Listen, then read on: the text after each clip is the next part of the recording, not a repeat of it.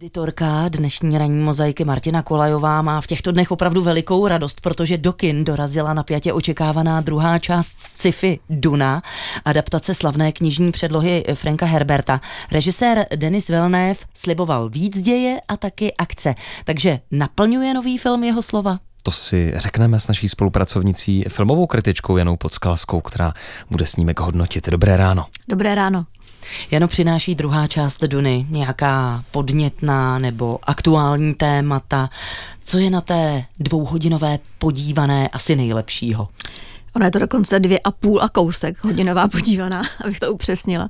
Ale i tak je to nádherná, velkolepá podívaná. Musím říct, že, eh, že Vilnev skutečně do, do, do, dodržel to co, to, co říkal. Ono to není jenom o akci, ale ono to je taky o, o takovém zvláštním tichu a meditaci. To se mi vlastně na tom filmu asi líbí nejvíc, že to střídá tyhle ty dvě polohy.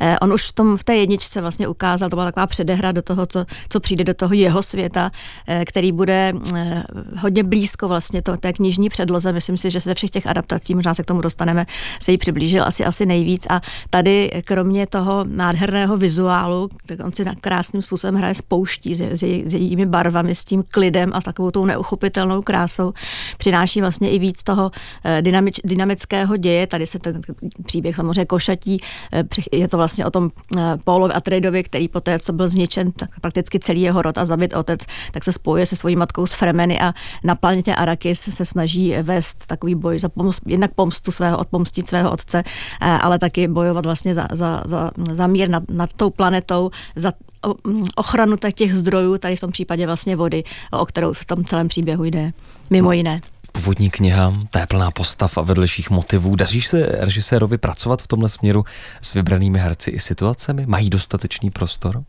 Myslím, že mají, i když samozřejmě e, je, je ten příběh plný postav a různých motivů. I takhle myslím, že Vilnév musel trochu krátit, ale udělal to velmi citlivě na rozdíl od těch jiných předloh.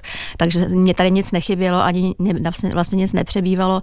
E, ne, nemůžeme mluvit o všech hercích, jenom řeknu, že každý ten herec to má vlastně svůj přesný typ a, a zajímavou e, stylizaci nebo, nebo nějakou masku. Asi nejzajímavější jsou Harkonnenové a vlastně každý tou svojí silou herecké osobnosti dává tomu filmu nějakou důstojnost od Javiera Bardema, který je tu jako Stilgar vlastně mezi Fremeny, až po Stelna Skarsgardena, který je v té, v té masce takového otylého tukem přetékajícího barona Harkonnena téměř k nepoznání, ale hlavně bych chtěla tedy říct, že, že úchvatný je Timothy Chalamet, který tady opět potvrzuje teprve 28-letý herec, eh, jak je, mimoř, jak je to mimořádné herecké zjevení.